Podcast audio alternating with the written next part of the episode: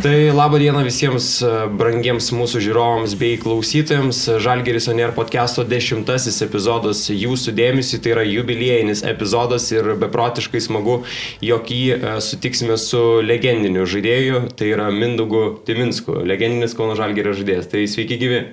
Ačiū labai, nežinau, ar legendinis, bet ačiū tikrai. A, tai mes bendrausime dviesi su Mindugu Timinsku, aš Kipras Repauskas bei mano kolega Lukas Gintutas. Sveiki. Tai Mindugai, Koks jausmas sugrįžti į Kauną ir kaip tas jausmas pirmą kartą būti Žalgerio arenoje? Jo, neplanuotai atsidūriau čia e, Lietuvoje ir tikrai neplanavau e, papulti Žalgerio rungtynės, bet pavyko ir tikrai džiaugiuosi, kad, kad tai pavyko, nes tikrai arena buvo nuostabi, atmosfera gera, varžybos geros pavyko ir tikrai nu, daug jausmų sukėlė būti, matyti, kaip Žalgeris paėjęs kaip į priekį, kaip, kaip e, profesionaliai atrodo arena, visas pristatymas, visas varžybos, viskas e, tikrai malonu žiūrėti. Būnant Žalgerio arenoje ir stebint Vilniaus ryto ir Žalgerio kovas, turbūt prabėgo ir visos tos kovos, kai jūs pats žaisdavote aikštelėje. Jo, tikrai su rytu, kai mes žaisdavom, tikrai buvo tok, tokia atmosfera labai temta ir, tok, nežinau, derbis būdavo tikrai uh, laukdavom tų varžybų ir jie ir mes visą laiką būdavo įtemptos tos varžybos ir mes pralaimėdam, mes jie pralaimėdavo ir tikrai būdavo, nu, tokia atmosfera labai įtempta. Nu, vakar šiek tiek jautėsi to antram kilinukė, kai sukovojo žalgeris gerai ir pabėgo toliau į priekį, bet gal Tai jaunesni žaidėjai gal to nejaučia daugiau, kaip mes jausdavome prieš, nežinau, 15 metų. O reikėdavo kažkokio papildomo užsivedimo jums prieš tas dvi kovas su rytu? Ne, tikrai nereikėdavo. Mūsų treneriam reikėdavo gal šiek tiek raminti daugumą mūsų, nes būdamo tiek užsivedę ir kartais tie, tas užsivedimas, tie nervai kliūdydavo žaisti. O šiuo metu, nežinau, Šarūnas bando juos užvesti daugiau, nors aišku, jie žaidžia labai daug varžybų. E, nes teko pašnekėti, kad jie tikrai iš, ištisai, kiek penkto, penktos varžybos per dešimt dienų, tai čia tikrai nemažai ir sunku, sunku iš, išlaikyti tą tokią emocijas ir užsivedimą per tiek, tiek varžybų. Pradedant, prieš pradedant filmuoti laidą minėjot, jog šiek tiek su pavydu stebit visą tai, kas vyksta dabar Žalgirio arenoje ir galbūt galvojate, kad norėtumėt ir pats čia sužaisti, ar ne? Jo, nes aš prisimenu mes, kai, kai aš dar žalgrį žaidžiau, kada čia senai senai laikais buvo tas jau judėjimas į tą, į tą areną statyti, vis vis šlubavo. Bet jau ta idėja buvo ir žmonės, ir, ir Gediminas Navikauskas, ir Ginas Rutkauskas, jie, jie stumė tą procesą į priekį ir aš galvojau, gal dar suspėsiu, gal dar suspėsiu, bet užtruko šiek tiek ilgiau ir tikrai ta, ta mintis visą laiką išliko, kad aš ne, ne, ne, ne, ne, nesugebėjau pažaisti to arenoje. Kažkoks toks tikslas buvo e, galvoje ir e, dabar sugrįžus pamačius, kaip viskas tikrai gražiai padaryta, kaip gražiai rungtynės suorganizuojamos ir tikrai šiek tiek to, tokio gero pavydo yra. O kiek pasikeitė visas tas vaizdas, kalbant apie žaidėjus, apie organizaciją, apie žalgerį nuo to, kai jūs buvote ir dabar, kiek tai yra visiškai kitas e, kūrinys? E, viskas padidėja, gal sakyčiau, taip viskas būdavo maž, maž, maž, maž, mažes, mažesnė arena, mažesnė, e, gal ir biudžetai mažesnė ir, ir viskas buvo taip viskas paplėtėjo, suprofesionalizavosi, taip, taip. E, viskas atrodo organizuota žymiai geriau. E, nu, čia su patirtim turbūt ateina tas dalykas ir nu, nu, žiūri, iš šalies žiūrint į vidų tikrai atrodo fantastiškai. Tai Žalgirio arenoje spėju, kad vakar bičiulių nemažai sutikote ir tų paspaudimo penkių tikrai buvo ne vienas ir ne du. Nu, jos teko su, su, su daug ko pasisveikinti, tikrai malonu buvo jo. Ja. Matėme ir Šarūno Jasikevičiaus paspaudimo po rungtynio, ar ne, pribėgo jis ir davė jums penkis. Spaudos konferencijoje kalbėjo, kad labai džiugu, jog jūs matėte arenoje, jog jūs buvote arenoje ir kalbėjo apie jūsų didelės blauzdas, kad tai yra legendinės ir pačios didžiausias, kokias jis yra matęs. Ir sako, tik atėjo Mindugas į rūbinę, sako, iškart kėlėme kelnes ir žiūrėjome, kaip tos blauzdas. Ja, jau užsipuolė užsipuolė, kad aš esu kūdas labai, aš įsižeidžiau labai, galvoju sveikas, ne kūdas. Bet e, ir po to jo, čia jau nuo senų laikų vis e, Šarūnas apie mano blauzdas kažkokią tokią neturi obsession angliškai pasakius, nu, ap, ir visą laiką žiūrėdavo ir kalbėdavo apie tas blauzdas, tai jam kilo įtarimas, gal ir mano blauzdas sulėsėjo labai, bet pakėlėm džinsus, patikrinom, sako, dar, dar vis geras. Tai kas leidžia dabar tas tą formą palaikyti, sakykime, tų blauzdų? Nu, šiaip, e, nežinau, tenisą sportuoju, šiaip sportuoju e, bendram kūnui, visokias klases lankau, nu, bandau vis tiek aktyviai, aktyviai gyventi. Po krepšinio teko pasinešęs, buvau šiek tiek į bėgiojimą, bet ta banga praėjo, vis tiek sunkus dalykas. Bėgot pusmaratonius, ar ne? Jo, teko pus, pusę maratono prabėgti ir buvo tikslas maratoną bėgti, bet kažkaip kūnas nelabai klausė ir sakiau, pasinešiau į tenisą ir tenisas kažkaip labai padėjo tą tranziciją padaryti iš krepšinio į paprastą gyvenimą, nes vis tiek su, su, su, šiek tiek su komandomis ten žaidėjai, poromis, vis tiek to, tokia atmosfera. Uh, nežinau, su, su, su, su, su vyrukais ten, tenka pabūti, alaus išgerti ar ką po to ir, nežinau, padėjo, padėjo tą tranziciją padaryti. Bet po krepšinio visgi norisi to sporto, ar ne, kad ir prabėgo šiek tiek taip, laiko? Taip, norisi tikrai kaž, kažkiek tą tokį, uh, nežinau, emocijas šiek tiek. Adrenaliną. Adrenaliną pat, pat, pajausti, išleisti ir e, tikrai tas, pavyzdžiui, šitą tenisas padėjo, kadangi mes ten žaisdavom komandomis. Jo.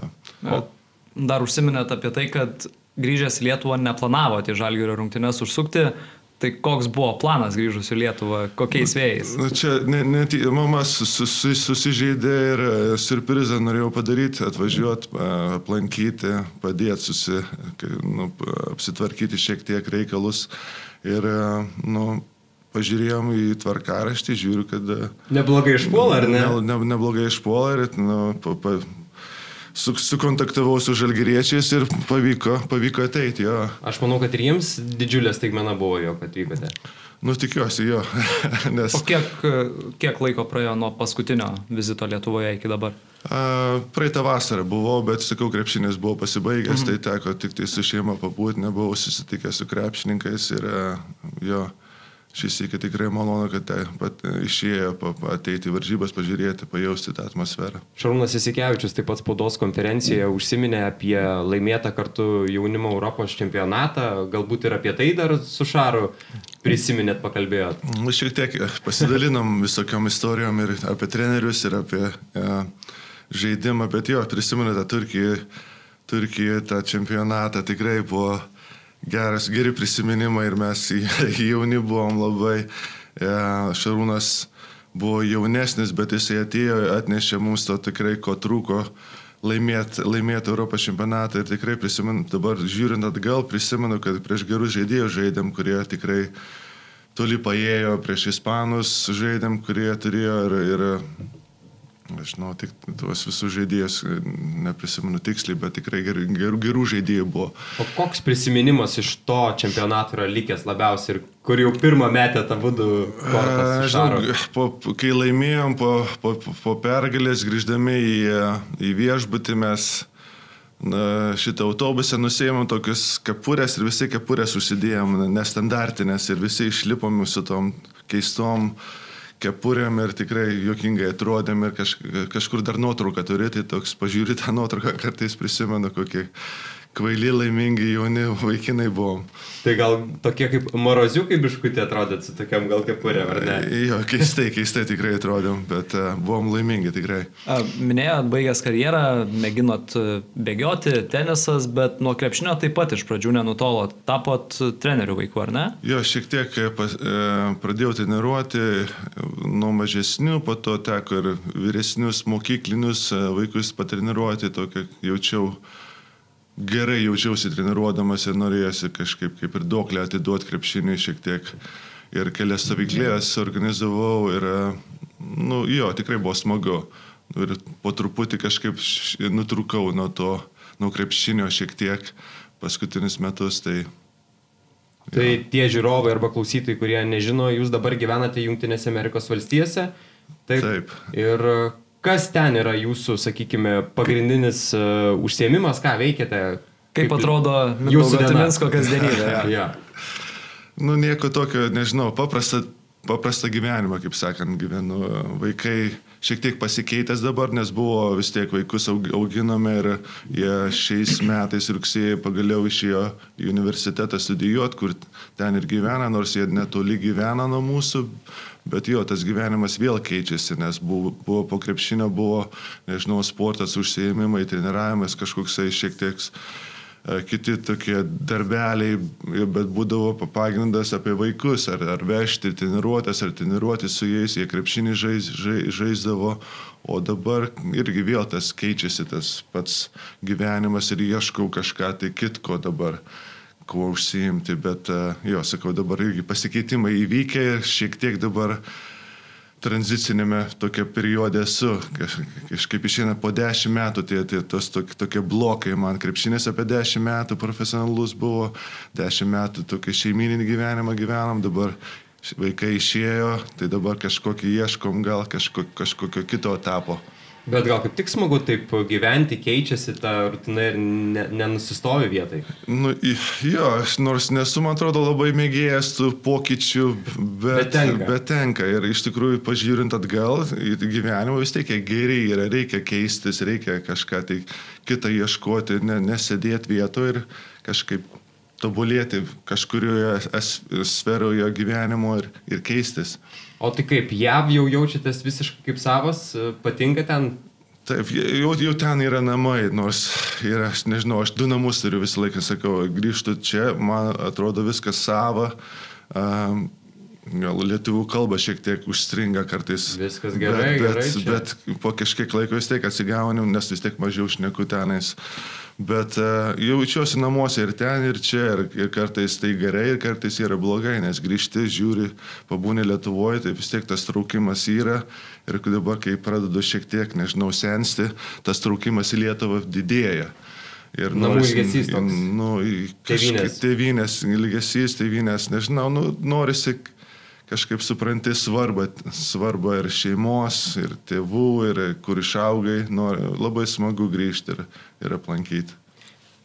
Tai tos Junktinės Amerikos valstijos, būdamas dar labai jaunas, buvote vienas iš tokių, sakykime, pirmųjų, kuris karjerą ne, ne nuo Lietuvos, sakykime, bet žaisdamas universitete. Kaip kilo mintis ten išvykti ir kaip atrodė tie pirmieji galbūt metai? Jo, prisimenant tuos laikus buvo tranzitinis momentas Lietuvai, mes atsiskyrėme nuo, nuo Sovietų sąjungos ir buvo treneris Kairys, Stepanas Kairys, kuris mane kaip pamatus man davė šilutėje krepšinio, jisai jo idėja buvo ta, kad reikia važiuoti į Ameriką, studijuoti ir žaisti krepšinį tuo metu, nes kadangi tuo metu Lietuvoje. Tikrai tas mes atsiskyrėm, nebuvo aišku, kas kur, kur žaisim, kokia lyga bus, nors, e, pavyzdžiui, kai kurie draugai pasiliko čia Žalgirėje, dubleriuose irgi geras karjeras pasiekė, čia tokie du keliai išėjo. Ir aš tuo metu pasirinkau važiuoti į Ameriką kiek didelis šokas buvo iš Šilutės važiuoti į Junktinės Amerikos valstijas? Ar galvojate, kad ten nuvažiuosite ir bus visiškai kitas pasaulis, visur Hollywoodas? Kaip įsivaizdavote? nu, teko man kelias įkius būti prieš tai, prieš jau važiuojant Ai, tai į studijos. Šiek tiek ta, ta kaip sakyti, ideali idealus požiūris į Ameriką buvo praėjęs, kad visi kaip Hollywoodas yra, jau supratau, kad yra tikra šalis, yra gero, yra blogo, nėra ideali šalis. Bet e, tai va, turėjau tokią realybę kažkokią jau važiuodant. O nuvažiavus gal šiek tiek, e, kas buvo sunku, kad mažiau tai pagal taisyklės universitetuose ten ga, negalima treniruotis kažkai kai, kai kuriais periodais su komanda pilnai, tai tas šokas buvo, nes aš tikėjausi treniruotis kaip ir Lietuvoje. Nuolat. Vis, nuolat, visą laiką su komanda. O kodėl nebuvo galima ten treniruotis? Ten draudžia su komanda treniruotis. E, kai, kurios, kai kuriais laikotarpiais, kai sezonas yra, tada gali visi, o šiaip mhm. sezono metu gali tenais m, riboja, kiek žaidėjų gali vienu, vienu metu būti aikštelėje ir, ir treneris gal negali būti aikštelėje, tai ten nori, kad e, neperkrautų studentų. Uh, nu, šiek tiek riboja, jo, tai buvo skirtumas, nes aš buvau pratęs ir ryte treniruoti, ir vakare treniruoti, tai šiek, šiek tiek sumažėjo treniruočių, bet polsio daugiau, polsio daugiau nu, studijos irgi buvo, teko studijuoti ir klases eiti, ir, ir paskaitas eiti, ir namų darbus daryti. bet e, jo krepšinis šiek tiek sumažėjo. O kaip vyrukai iš Lietuvos e, pavyko įsišlieti į tą kompaniją, į tą, sakykime, brandolį komandoje universitete, iškart jautėtės savas?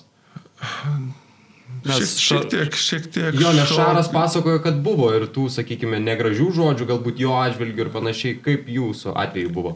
Man gal pasisekė, kai tuo pačiu metu, kai aš atvažiavau, atvažiavo vienas vokietis, Danas, buvo jau antri metai tenais tai ir iš, iš Olandijos vienas. Tai mes turėjom tokią europietišką uh, grupelę. Uh, Bet negaliu sakyti, kad buvo labai sunku sus, sus, susijungti su savo, susidraugauti su savo komandžiokais ir jie tikrai gražiai prieėmė mumis. Nors, o, aišku, būdavo Būdavo keistų momentų, aišku.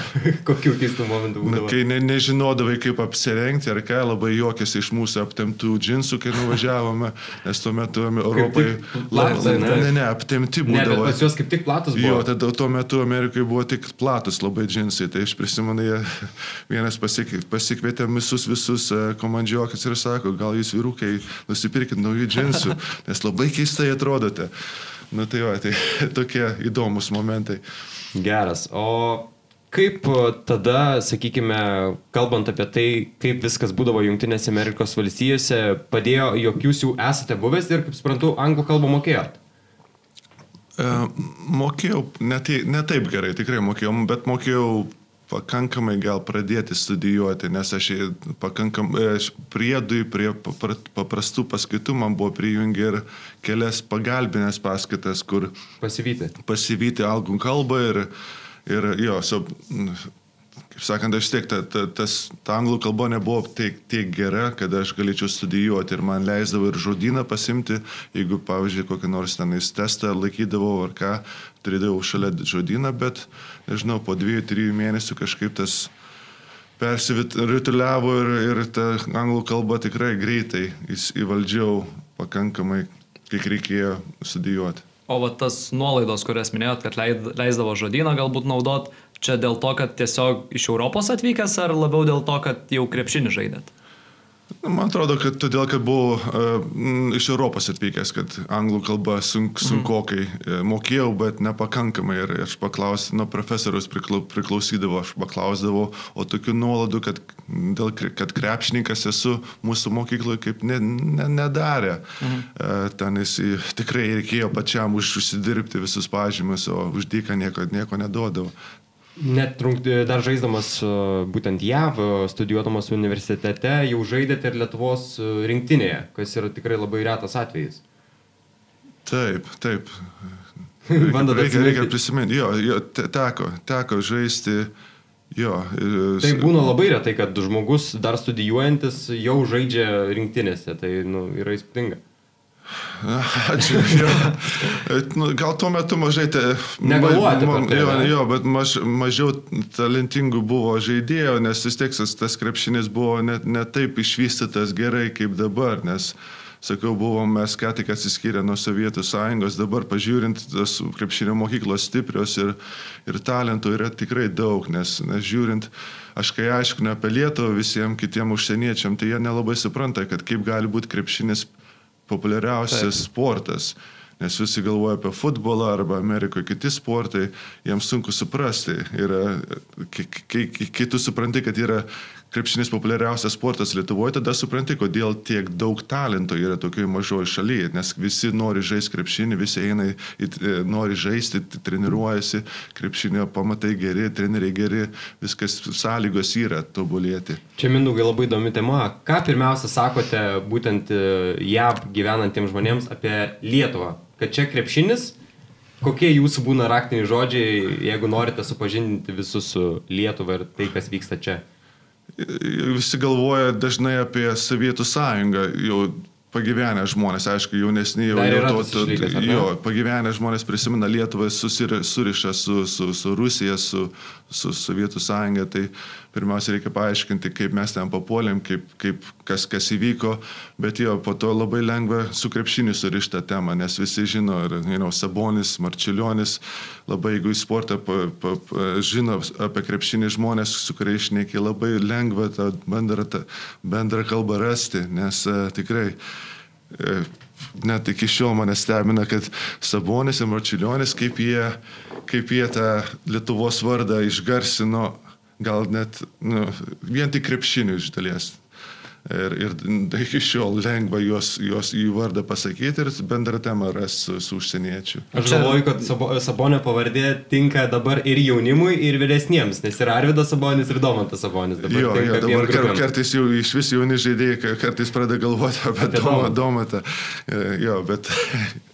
jo, čia buvo dabar netgi ir Michaelas Jordanas paprašytas įvardinti geriausius visų laikų Europos krepšininkus, ilgai negalvojęs irgi Arvidas Sabonį pasirinko. A, tai grįžtant prie jūsų laikų dar studijuojant universitete ir, vėl, ir žaidžiant rinktinėje, tai 1995 m. Europos čempionatas. A, vėlgi komandoje tokie žmonės kaip Sabonis, Marčiulionis, Homičius, Kurtinaitis ir galima vardinti ir vardinti ir jūs, visai jaunas studentas iš Junktinių Amerikos valstijų, kaip į tokį kolektyvą papuolęs jautėtės? Šiek tiek jaučiausi, kad, nežinau, kaip, kaip, ne, ne kaip žaidėjas aš ten buvau, kaip, nu, kaip fanas iš dalies. Nes uh, tikrai avansų mane pasiėmė e, Garastas ir kiti, kiti treneriai man davė tikrai tokį dovana iš dalies. Aš gal ne, nebuvau užsitarnavęs toj rinktiniai būti ir nebuvau pakankamai gal geras ten žaisti tuo metu. E, bet jie tikrai, ačiū jiem už tą, tą šansą duotą, tikrai buvo fantastiška pabūti su, su, su savo tais idealais, kuriais, kuriais žiūrėjau į juos televizorių, žiūrėjau jų varžybas, todėl ir krepšį norėjau, norėjau žaisti, kadangi jie ta, ta, ta, parodė, kaip, kaip ir, nežinau, užvedė mane krepšinį. Uh, nu, fantastiškai buvo su jais būti, šiek tiek ir gal pat teko ir pažaisti, nors ten aš ten nieko įdomaus nenuveikiau, bet buvo tikrai įdomu žiūrėti, kaip jie, kaip Garastas dirba, kaip uh, Sabonis, Marčiulionis, Kurtinatis, Homičius, Karnišovas, kaip jie žaidžia, kaip jie pasiruošia rungtynėm, nu, vis tiek tokį pagrindą man davė, šiek tiek supratau, kaip, kaip, reikia, kaip reikia ruoštis, kaip uh, gyvenimą žiūrėti. Rankos nedrevėjo per pirmas treniruotės su tokiais žaidėjais. tai jo, bet, bet greitai, kažkaip visa, visi tie nervai būna visa, visada, bet kai pradedi išinį aikštelę, pradedi žaisti, tai, tai viskas nusiramini greitai, nes krepšinis kažkaip treniruotė sujungia tave su visa komanda ir tie dalykai praeina greitai. Kalbant apie tą čempionatą 1995-ųjų, neįveikta buvo tik Jugoslavijos komanda du kart kuo tuomet ta komanda buvo stipresnė ir pranašesnė už jūs? Šiek tiek jie, jie daugiau žaidėjų turėjo, kurie tam, tam lygiai tiko. Nes žiūrint, nu, aš iš vis ten žalės buvau, sėdėjau, o jie turėjo, mes turėjom tokius 5-6, aišku, turėjom ir gerus atsarginis, bet jų komanda buvo lygesnė, gal pas, paėmus 10 žaidėjų, jie galėjo daugiau daugiau žaidėjų naudotis. Gal ta, ta persvara jų buvo, nes paėmus ten žvaigždės, mes tikrai žvaigždėm galėjom panašiai atrodėm negu, negu jie, bet jų, jų soliukas buvo geresnis, mano, mano manimu. Tai toje rinktinėje jūs buvote jauniausias ir tada toks keliais mėnesiais vyresnis buvo Saulis Štombergas. Tai jūs turbūt buvote ta tokia mes grupelė, jo, ar ne? Mes buvom kartu jo draugelį, kaip sakyt, kartu gyvenom vienam kambarį, mes kartu ir padėjom visiems. Uh, jo, mes tokie jauni, jaunėliai buvom. Kokios galbūt, sakėt, kad padėjot visiems, tai kokios galbūt seniau buvo tų jaunų krepšininkų užduotis. Dabar tai yra e, nešti galbūt, nežinau, kamolius, e, dar kažką, vandenį atnešti. Kaž... Taip tiksliai neprisimenu, bet buvo kažkokių tokių gerų tradicijų. Ne, ne, nieko tokio blogo neprisimenu, kad kažką blogo reikėjo padaryti, bet kažkokių mažų tradicijų buvo. Mes padėdavom ir, savo, kiek prisimenu, savo iniciatyvą rodydavom, kad padėt ar atneš kažką, ar, ar padėt jiem kažką. Tai, bet sakau, visos tokie geri prisiminimai, bet tiksliai kažko tai neprisimenu. O tokie žaidėjai kaip Sabonis, Marčiulionis, Kurtinaitis ir panašiai visą tą gvardiją davė jums patarimų, būdavo tie, kurie pastoviai patarinėdavo ir sakydavo, kaip reikia žaisti šiame lygyje? Aš Homičius, Kurtinaitis, prisimenu, jie būdavo daugiau šnekantis žmonės e, ir, ir, ir, ir aikštelė, ir, ir persingimo kambarėlį, tai jie daugiau šnekėdavo. Sabonis, aišku, būdavo, jisai, kaip pasakydavo, mažai, bet labai svarbus dalykus pasakydavo. Marčiulionis irgi gal šiek tiek ne, ne tiek šnekėdavo daugiau, bet jis irgi nebuvo šnekutis, kaip sakyti. Tai, tai jo, tai daugiau gal iš Kurtinačio Homičiaus prisimenu tos patarimus ir šiek tiek uh, pastumdavo į, į, į, į, į, į tą į gerą, gerąją pusę. Kalbant apie rinktinę, buvo ir Sidnėjaus olimpinės žaidynės, dar vienas įspūdingas čempionatas ir tik dviem taškais pralaimėtos rungtynės prieš JAV. Pusfinalėje. At, pusfinalėje, taip. Atsimenat tas rungtynės ir kiek jos skaudžias buvo, kaip ilgai išgyvenat? Pris, prisimenu ir prisimenu, jo, skaudžiausiai tai prisimenu savo klaidą padarytą, prarastą kamolę prieš garnetą ir kažkaip įstrigęs tas momentas ir prisimenu, kad džiaugiuosi, kad gerai sužaidėm ir tikrai gal turėjom šansą laimėti ir Šaras turėjo gan neblogą šansą įmesti kamolį, bandėm, viską padarėm, turėjom šansą, mūsų rankose buvo, kaip sakyti, bet kai vis tiek prisimenu tą iš savęs, tai aš prisimenu klaidą, kuri kainavo mums irgi porą taškų, tai nežinau, įstrigęs tas momentas yra. Kas dėjosi tada rūbinėje? 20 minučių rankšluošius visi užsidėjo ant galvų, ar... Nu, jo, tikrai buvom nusiminę, nes, nežinau, pradėjom varžybas galvodami, norim kuo, kuo geriau sužaisti. Ar mes tikėjom pergalę šimtų procentų, gal nebuvo to, bet žaidž, žaidžiant, uh, ypač antram kelinimui, man atrodo, mes pradėjom tikėti, kad galim laimėti. Ir kai pradedi tikėti laimėjimu, nori laimėti ir praloši labai, įtemptas varžybas visą laiką yra skaudu. Čia to, to, nuo to nepabėgsi, iš dalies aš žiūriu, žiūriu tai kaip į gerą dalyką, kaip treneris, jeigu įeini ir tu matai žaidėjus, nu, pergyvenančius po įtemptų varžybų, tu žinai, kad jie tikrai darė, buvo įsilieję į žaidimą ir save, save atidavę. Tai buvo... Kalbant apie JAV žvaigždės, MBA žvaigždės, negalime nepaliesti ir dar vienos temos, kuri vakar nugriaudėjo visą pasaulį, tai yra Kobe Bryantas, kai filmuojame šią laidais vakar žuvo katastrofoje sraigtasparnio. Kiek jūs palėtė ši baisi žinia? Nu, tikrai ne, kelias valandas žiūrėjom naujienas grįžę namo vakar, sunku buvo ir užmigti kažkaip vis tiek visi pradeda šnekėti apie tai, pradeda galvoti apie gyvenimą, vis tiek trumpas tas gyvenimas gali būti, kažkas, kažkas atsitinka ar ką tikrai gali, gali staigiai pasibaigti, bet jo, aš gaila labai yra žinau, neteko, neteko žais buvo prieš jį, bet tikrai legenda, čia, čia jau tikra legenda. Ir turbūt, Man, turbūt vienas iš tų žmonių, kuris privertė daugelį pradėti žaisti krepšinį, yra Michaelas Jordanas, yra, sakykime. Kobe Bryantas, vieni iš tų. Jo, nu, mano karta gal žiūrėjo Jordaną ir mes juo didžiavomės, po to šiek tiek jaunesnė karta tikrai ir Bryantas buvo jų idealas. Ir, nu, gaila tikrai, nes žmogus buvo tikrai, jis, nes me, krepšinį baigė, buvo, buvo, labai įsi, užsivedęs ir padėti daugam ir biznio užsijėmęs ir šiaip labai daug pavyk, vyk, visokius reikalus įsikišęs buvo gerus buvo palietęs daugą. Ir jis buvo krepšinio veidas, pasaulio turėsgi buvo veidas Kobe Bryantas, su NBA labai daug projektų taip pat jau turėjo daryti ir vykdyti. Tai... Ja, jis gal, jo, žiūrint į pasaulį ir, ir, ir, ir Aziją, ir, ir vis, visose pasaulyje jį pažino tikrai, buvo, turbūt geriausiai, gal net geriau negu Jordaną, nes jis buvo toks, nežinau, išaugęs Italijoje, jisai kalbėjo keli, keliom kalbom, tikrai žiūrėdavo į europiečiai visi, ypač italai, pozityviai, nes vis tiek toks ryšys buvo su Europoje. Tai baigiant apie Kobe Bryantą, jo tada Sidnėjuje nebuvo jav rinktinėje, bet dar pabaigiant ir apie Sidnėjaus olimpinės žaidynės, pralaimėjot JAV, bet atrodo komanda nesugriuvo, nes pavyko vis tiek tuos bronzos medalius iškovoti. Tai kaip pavyko mobilizuotis? Jau Kazlauskas, gal aš tiksliai neprisimenu jo kalbos, bet vis tiek e, po varžybų jisai priminė mums, kiek prisimenu, kad tik dvi komandos pabaigė olimpinės e, žaidynės pergalėm. Tai yra aukso laimėtojai ir bronzos. Ir e, šimtų procentų negaliu garantuoti, kad jisai tai pasakė, bet kiek prisimenu, man atrodo, jo žodžiai yra Ir įstrigo man, nebent man ta, ta, ta frazė, kad tikrai mes galime pabaigti varžy, e, olimpinės varžybas pergalę ir medaliu. Ir skirtumas yra didžiulis, ar tu ketvirtas, ketvirtas ar tu grįžti su medaliu. Tai iš, tą frazę išgirdęs man greitai kažkaip ta, tas alkis grįžo medalio, norėjau medalio, tikrai norėjau medalio. Ir užpildė tą pralaimėjimą prieš ją tas medalis.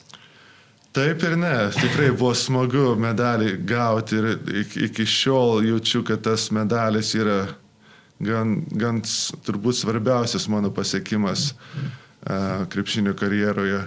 Ir uh, jo, žiūrint į jį kartais prisiminimai tikrai nuostabus. Tai kaip minaugai, triukšmingas vakarėlis buvo po to? Jo, tikrai, la, gerai, gerai laiką praleidom. Tikrai atmosfera olimpiadoje, tu kaip krepšininkas pabaigi, e, pabaigi varžybas paskutinę dieną, jau visi pabaigė, tai jau daugiau viskas, visi atsipalaidavę, visi, visi, visi tik švenčia, jau daugiau niekas, daugiau sportuoti nereikia, tai visi atsipalaidavę ir, kaip sakyt, jau tas stresas nueina ir visi, visi tik, tai, tik tai švenčia. Tai galima švesti ne tik su krepšininkais, bet ir su lengvatlečiais ir su taip, kitais. Taip, ir, ir buvo tikrai tai olimpinėse žaidynėse pats, pats tas yra geriausias dalykas gyventi toj olimpinėje kaimelėje, kur, kur matai atletus visus, visi sujungti, kaip sakyti, vienoje vienoj valgyklai valgai, vienoje nu, vienoj teritorijoje gyveni, taip. matai Aš prisimenu, kažkur treniruotę buvom, grįžtam iš treniruotės, pažiūrėjom televizorių, matai, kad žmogus laimė aukso medalį, po to važiuoju su autobusu į, į valgyklą ir matai tą žmogų sėdinti autobuse, kuris ką tik laimėjo e, nu, e,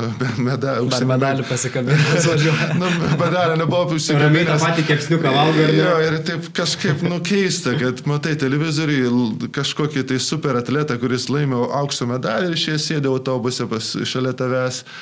Kaip paprastas žmogus. Gal susipažinote ja. su kokiais e, lengvatlečiais ar panašiai?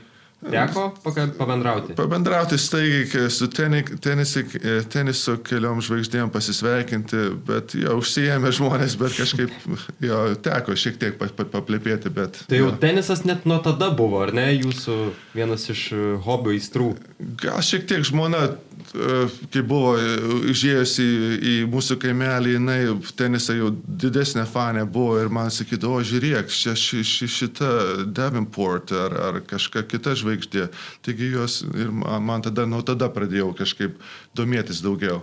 Bet žaisti aš tai nežinau, ne, ne, nežaidžiau iki, iki tol, kol, kol pabaigiau karjerą. E, baigėte savo pasirodymą universitete, žaidėte ir rinktinė ir po to sugrįžote į Šilutę, atgal į Lietuvą. Kiek buvo, sakykime, tas sprendimas toks greitas, ar visgi jau buvote viską pasvėręs ir tai buvo vienintelis galbūt pasiūlymas, e, kur galėjote tęsti karjerą? Jo tranzicija buvo, nebuvo lengva, žiūrint, e, jo tikėjausi geriau, nes aš buvau bandžiau e, į MBA ten stovyklėlę papuoliau, tenais nuėjau, bet žodžiu, tranzicija nebuvo lengva, kaip, kaip, kaip, kaip, kaip, kaip pavyzdžiui, Šarūnas iškart pateko į, į gerą komandą ar ką. Nes aš ir įsivaizduoju, kad tikrai turėtų na, norėtis tų gerų pasiūlymų vis tiek ir ten universitete neblogi metai ir uh, Sidabras Europos čempionate surinktinė, tai turbūt norėjosi, ar ne? Jo, gal žiūrint atgal, man atrodo, mes lietuviai skaitydavomės kaip užsieniečiai tuo metu, tai vis tiek labai buvo ribojimas Europos komandose, kiek tų užsieniečių, tik tais du užsieniečiai, ar mm. amerikietį įmė, ar lietuviai tas pats gaunasi. Gal šiek tiek buvo sunkiau dėl to papulti tas geresnės komandas.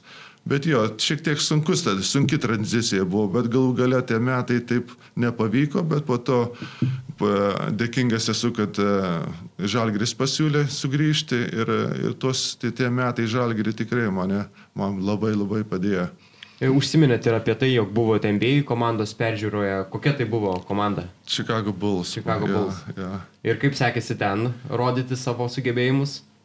Nu, turbūt ne, ne taip gerai, kaip jie norėjo, kad pasirodyčiau. Nu, atrodo, tik... Nu, bet tuo metu ten irgi buvo Tiesiog, rimta kapela surinkta. Jo, jo bet aš buvau, kaip sakyti, rookie camp, kuris nu, naujokų Aha. stovyklėlė buvo. Tai pakvietė į tą. Iš tos pasirinkdavo dar kelis, kurie toliau pakviesdavo į tą sekantį etapą, iš, iš tos stovyklos ne, ne, ne, nepapuoliau į sekantį etapą. Tai mes tos žvaigždės jau toj stovyklėlė nedalyvauja, ten mes anksti žaidėme vasarą, kurie dar ne, nesitreniruoja. Tai teko pamatyti kelis trenerius, bet e, tų žvaigždžių mes nematėm. E, kaip ir pats minėjote, buvo Šilutė, vėliau e, Prancūzija, Vokietija, Italija. Kokie atsiminimai iš ten yra likę? Iš Italija buvo smagu, tikrai tenais papuoliau tokia rimtesnis, pilnas sezonas, rimtesnis darbas buvo, prastesnė komanda, kurioje gero lygo žaidė, tai teko žaisti prieš labai gerus žaidėjus geri prisiminimai, aišku, toks pamatas užsieniečio darbo, kaip sakiau, tie du užsieniečiai, kai būna komandai, jų, juos žiūrime labai daug, juos, iš jų daug reikla, reikalavimai dideli, tai tokia patirtis gera man buvo. Nelengva patirtis, bet buvo gera. Bet aš taip galvoju, jūs buvote dar visai jaunas, bet e, per savo tą trumpą krepšininko karjerą jau buvote matęs labai daug. E, Junktinės Amerikos valstijas, e, valstijos darbas su Lietuvos rinktinė, Sidabras, po to Prancūzija, Vokietija, Italija, labai daug per tą trumpą laiką. Kaip užgrūdino jūs kaip krepšininką prieš persikeliant į Žalgerį? Ar tai padėjo būti susitupėti kaip krepšininkui? Kaip krepšininkui, nežinau, Gal, kaip žmogui taip, buvo lengviau važinėtis iš, ša, iš šalies į šalį ir priprasti ir adaptuotis, kur, kur, kur bebūčiau kaip žmogui. Krepšininkui vis tiek buvo tranzicija iš Amerikos koledžo e, komandos į profesionalų europietišką krepšinį buvo, nebuvo lengva, nes šiek tiek taisyklės, šiek tiek kaip teisėjai švilpė žingsnis, pavyzdžiui, labai skiriasi. Ir e, šiek tiek tranzicija, ta tranzicija buvo tikrai nelengva, kol taip apsipranti, supranti, kaip kaip žaidimas vyksta, kaip e, šiek tiek skirtumai tai yra, kurie trukdė man, nežinau, atsiskleis gal iš karto. Na ir galiausiai tada po Italijos kvietimas į Žalgirio, kuris praėjusiais metais laimėjo Eurolygoje kas dedasi galvoje, kai kviečia Eurolygos čempionai, tavo šalies komanda? Tik, tikrai esu dėkingas labai. Ta, ta, čia, kiek prisimenu, Ginas Rutkauskas buvo uh, senatorius, tai a, jo, labai pozityviai priėmiau tą uh, pasiūlymą ir į Lietuvą grįž, gal, nežinau, norėjosi, galvojau, gal Italijoje pradžioje likti geresnę komandą papult. Uh, bet su agentu tą prisimenu šnekėjau ilgai ir svarstėme, kur geriau. Ir ta, ta, ta galimybė grįžti į Žalgirį, kuris Eurolygui e, gerai žaidžia, ką tik laimėjo ir, ir e, turi tokią, nežinau, uh, Europai gerą vardą, vis tiek padėjo man nus, nus, nuspre, nuspręsti grįžti į Žalgirį. Tas sezonas pirmasis atrodo buvo lik nuostabus, lik iš sapno, tapote naudingiausiu LKL žaidėjų, tapote ir gali numylėtiniu, jūsų fantastiški dėjimai, jūsų pasirodymai, atrodo, jog viskas buvo lik e, sviestu pateta. Žiūrint jums gal dabar, atgal, gal taip ir, bet... Iš šalies, ne, iš šalies. šalies. Ne, šiaip e, nebuvo lengvas sezonas, kadangi e, laimėjo taurę, mes grįžtam uh, Sekantį sezoną, aišku, sudėtis yra silpnesnė, nes prarado e, tikrai daug žaidėjų, kurie išvažiavo žais kitose klubuose ir mes pralaimėdavom daugiau, nepatekom į Eurolygos sekantį etapą, tai vis tiek iš fanų pusės ne, nebuvo nebuvo fanai labai... E... Nes ta kartelė užkelta aukštai. Jo, kart, tikėjosi daugiau fanai iš mūsų gal, nors realiai žiūrint, Kazlauskas tikrai išspaudė iš mūsų, ką galėjo, nes jauna komanda e, tikrai buvo, e, bet jo, ši, bet ne, nebuvo taip lengva, kaip atrodė iš šalies tikrai. O kaip e, visa tai, visas žalgeris atrodė jums tada iš vidaus? Kiek buvo ypatinga būti žalgerio dalimi? Keista, keista, pradžioje keista buvo, nes vis tiek aš nebuvau žalgerį tikrai žaidęs, dubleriuose buvau žaidęs prieš išvažiuojant į Ameriką, o grįžtant ir žaidžiant pačiu iš e, Halėje ir nu, kažkaip vis tiek keista buvo pradžioje, kol apsipratau, nes, nes ta tokia vis tokia istorija, žiūrint, kaip vaikas išaugau, žiūrėdamas tas varžybas žalgerio, vis tiek keista buvo, bet pripratau gan greitai. Ir, sakiau, padėjo treneriai davė žaisti ir, ir šiek tiek prisimenu, Kazlauskas man bandė pakeisti mano, mano mąstymą, kaip aš buvau grįžęs ir galvojau kaip užsienietis, norėjau gal kartais per greit mesti, taškų tos noras buvo. O Kazlauskas man primindavo, kad ne, nebūtina būti galvoti kaip užsienietis, kad reikia būtinai tiek taškų tavo, mes reikia padėti komandai ir man tokį gerą, gerą pagrindą davė ir tikrai man tas stilius patiko, kad padėti komandai. Tai ir, ir, ir kovot kamuolį, ir gerą perdavimą, pa, pa, pa, asistą gauti, ar ką, tikrai. Tai tos filosofijos JAV ir Lietuvoje skiriasi iš tiesų, ar ne? Iš dalies taip, nes e, krepšinis čia daugiau komandinis gal, e, komandinių žaidimų pagrystas negu Amerikoje, nes Amerikoje gal studentų lygose šiek tiek tas komandinis žaidimas daugiau, daugiau populiarus, bet NBA ir taisyklės ir viskas daugiau jie žiūri į tą tokį individualų e, žaidimą. Kalbant apie Žalgirį, 2002-2005 metų laikotarpis buvo, manau, kur kas įsimintinesnis, laimėjote tris kartus LKL čempionatą. Kaip prisimena tą Hebrą, kuri buvo tada, nes ten iš tiesų pavardės įspūdingas? Jo, Tanoka, Tanoka buvo jau visus tris metus ir jisai tikrai buvo ja, s, labai geras žaidėjas varžybose, tikrai. Varžybose jis būdavo tikrai užsispyręs ir kartais net per daug užsispyręs, bet uh, jo, Tanoka buvo toks ramstis didžiulis mums ir su juo būdavo, nežinau, aplink, uh, visą laiką žinojai, iš ko, kiekvienas varžybas žinojai, ką jisai gali padaryti ir jis visą laiką atlikdavo, ką reikėdavo. O kiti žaidėjai tikrai prisijungdavo, mes gerai ir, ir savo dalykus atlikdavom ir tikrai jo, gera komplektacija buvo gera ir visi susiliejom į gerą gerą komandą. Čia šalia Kipro turim vieną no. nuotrauką, matytą Hebra. jo. nu, aš, jo, dar Sabas tikrai buvo grįžęs žaidęs sezoną, taip fantastiška buvo tikrai su Sabu pažaisti. Aš iki šiol pagalvoju, tikrai žmogus yra uh, Malačius, kad pasakęs yra kažkada senai senai, kad aš grįšiu, užbaigsiu karjerą Šalgirį ir jisai tikrai grįžo, sužaidė dar metus Žalgirį ir baigė karjerą. Ja. Tai va, nostalgija gera, ar ne? Apima pažiūrėti. Dainis, Dainis dar sėdi, ja. kota. Ja. Penketukas geras. Geras penketukas tikrai. tai vad buvot užsiminęs apie Tanoką Berdą, apie Arvidą Sabonį. Tai Sabonis čia Lietuvoje turbūt ir dabartiniai kartai yra puikiai pažįstamas, bet Tanoka e, turbūt dabartiniams jauniems fanams galbūt nėra toks žinomas. Tai užsiminėt, koks jis buvo aikštelėje, bet koks jis buvo kaip komandos draugas, rūbinėje, už aikštės ribų. Jisai ger, geras draugas buvo, jisai užsispyręs būdavo, charakterį turėjo keistą, nes ir treniruotėse jis užsivesdavo, užpykdavo už, už, už, už ko, savo komandžiokų, kadangi gal, nu jis, jo, bet, jo, jisai ger, šiaip ger, geras žmogus buvo, geras žaidėjas buvo, bet jis iš dalies sukeldavo intrigą kartais treniruočio metu kurios gal ir reikėjo, reikėdavo, gal ir nereikėdavo, bet jo, jis nebuvo lengviausias žaidėjas e, treneriui treniruoti, gal pasakyčiau. E, bet e, Bet jisai tikrai geras žmogus buvo. Paulius Jankūnas minėjo, kad sako, gink dievę, nebandyk apžaisti jo treniruotės. Jis sako, gausi tada ir šalkūnės, ir kraujas pasilie, sako, būdavo, kad apžaidžiu, atsisuku jau pas mane čia vos nekraujuota, nes šalkūnės gavau į dantis. Ja, tai Paulius tikrai daugiau turbūt žinotų, kiek jis, kiek jis, ant kiek, nes jisai gindavo tą noką ir žaisdavo treniruotę viens prieš vieną. Tai jo, jisai tikrai, nu, negalėdavo pralošt. Jeigu jaunesnis jie apžaidė ar ką ir treniruotė atrodo, nu, šiek tiek tu atleis žmogui, ne, neduok jam, kaip sakyti. Bet e, jisai tikrai ne, ne, negalėdavo netreniruotis atleisti žmonėms. Kalbant apie Paulį Jankūną, mes taip pat paklausime jo, sakom, kokie atsiminimai jums susiję su Mindugu.